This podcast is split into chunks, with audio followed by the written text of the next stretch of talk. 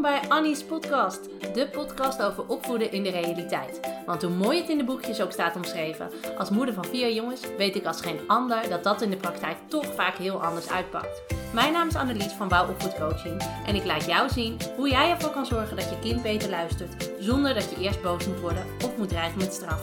Op een nuchtere, praktische, humoristische en realistische manier. Veel plezier met deze aflevering van Annie's podcast.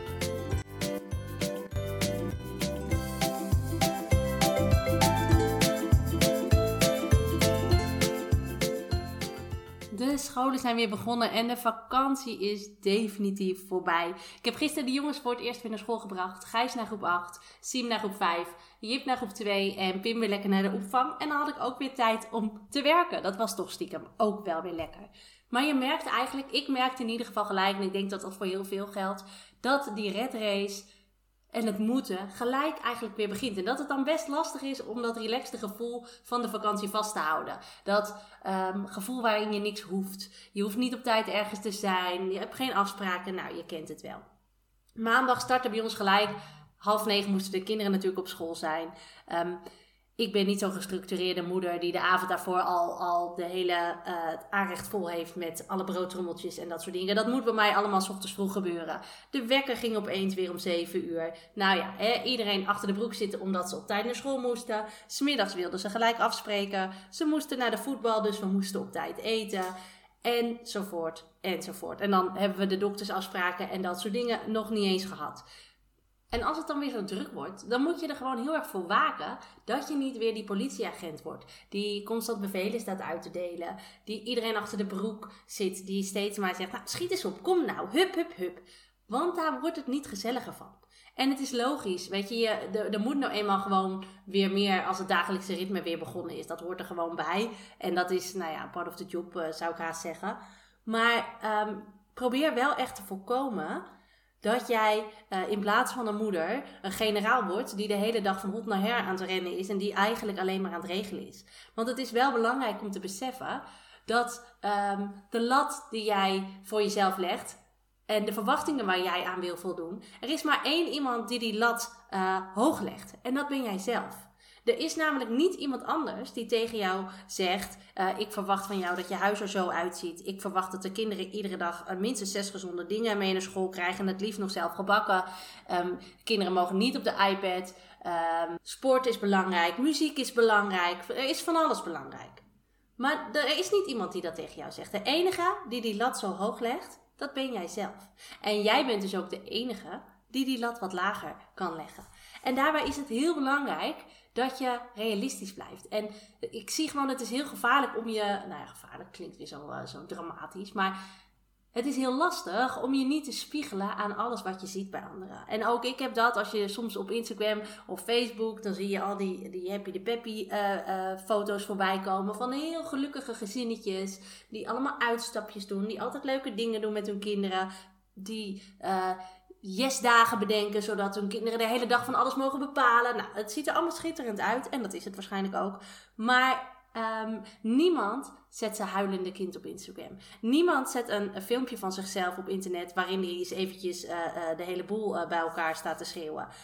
Dat doen mensen niet. Dus Wees je er altijd van bewust dat jij alleen maar te zien krijgt wat iemand anders graag wil dat jij ziet. En dat hoeft dus helemaal niet de realiteit te zijn. Je bent geen slechte ouder als je niet iedere weekend met je kind in een pretpark staat.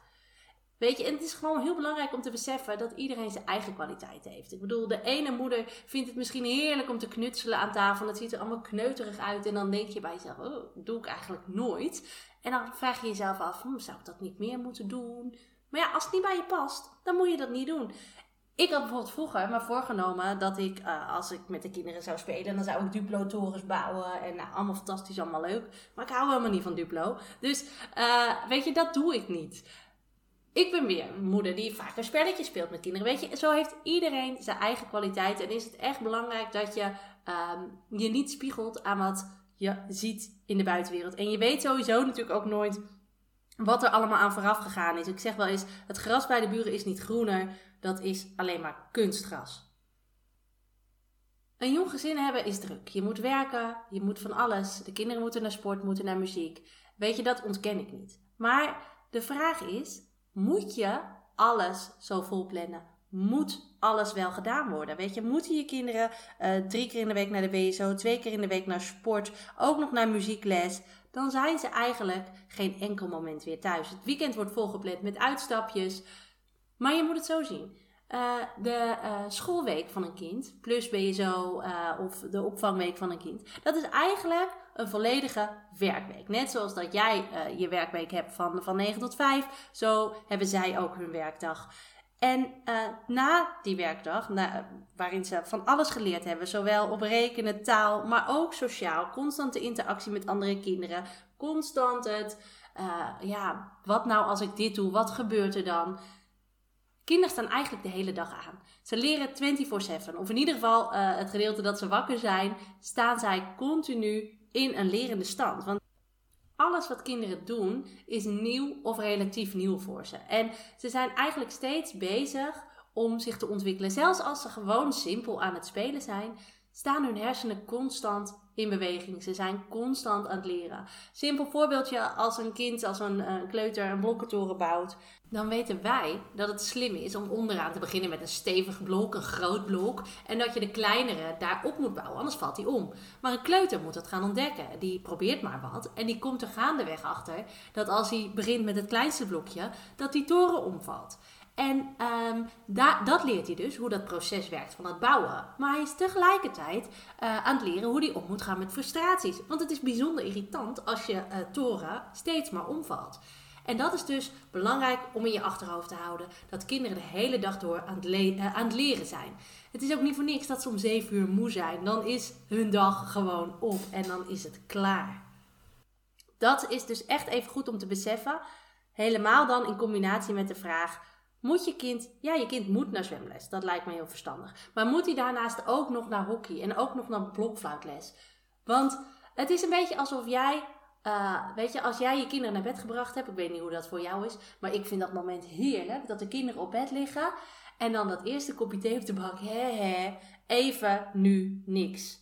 Dat moment hebben kinderen ook nodig. Dus als jij um, na de schoolweek uh, een afspraak bij de logopediste hebt, vervolgens naar de hockey moet, dan de dag daarna weer iets anders moet, hebben die kinderen nooit even uh, een moment om bij te tanken. En dat is wel heel belangrijk. En ik hoor je nu zeggen, ja, mijn kind gaat echt niet rustig op de bank zitten. Dat hoeft ook niet.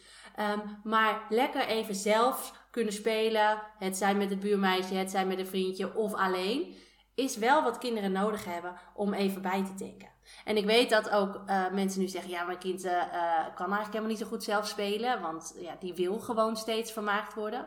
Maar dat is ook waar je kind aan gewend is geraakt. Als je kind gewend is geraakt aan het feit dat hij bezig gehouden wordt, door allerlei clubjes, door allerlei activiteiten, door jou misschien wel zelf als ouder, omdat je altijd meespeelt, ja, dan is het logisch dat hij dat ook van je vraagt. Dat is een kwestie van het opbouwen en het, uh, weet je, dat heb je opgebouwd. Dat zal je dan ook misschien een beetje kunnen afbouwen. Maar het is echt belangrijk om kinderen die momenten van rust te gunnen. Dus probeer um, ook voor jezelf om niet uh, jezelf weer voorbij te lopen. Probeer eens niet alles vol te plannen. Probeer ook eens in je weekenden uh, gewoon eens een keer niks te doen. Dat is namelijk ook best wel lekker. Nou, als je dit nou interessant vindt en je meer wil weten over hoe je uh, ervoor kan zorgen dat je niet terugvalt in uh, uh, het worden van een politieagent, kijk dan even op mijn website bij www.wouwopvoedcoaching.nl slash webinar. Want ik geef binnenkort weer het gratis webinar Stop met politieagentje spelen. En daarin ga ik je precies uitleggen waarom het eigenlijk zo logisch is dat je ontploft als je kind niet luistert.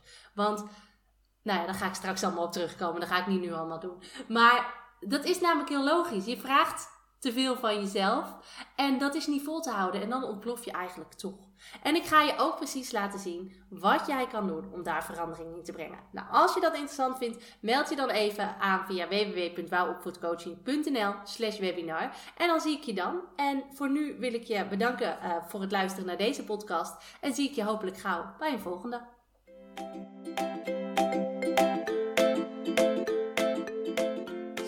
Leuk dat je deze podcast hebt beluisterd. Kan je nou niet wachten tot de volgende aflevering van Annie's podcast? Ga dan naar Instagram, zoek me op via wouw-opvoedcoaching, want daar deel ik iedere dag toffe en inspirerende tips met je. Om er zo voor te zorgen dat het opvoeden van je kind leuker en makkelijker. Wil je nou nog meer weten? Kijk dan ook even op www.wouwopvoedcoaching.nl slash gratis. Dan kun je je aanmelden voor mijn gratis e-book met 20 tips om ervoor te zorgen dat je kind beter gaat luisteren. Of je kunt je alvast aanmelden voor het webinar Stop met politieagentje spelen. Allebei gratis, dus je hebt eigenlijk geen enkele reden uh, om het niet te doen. Ik zie je volgende keer bij een nieuwe aflevering van Annie's podcast.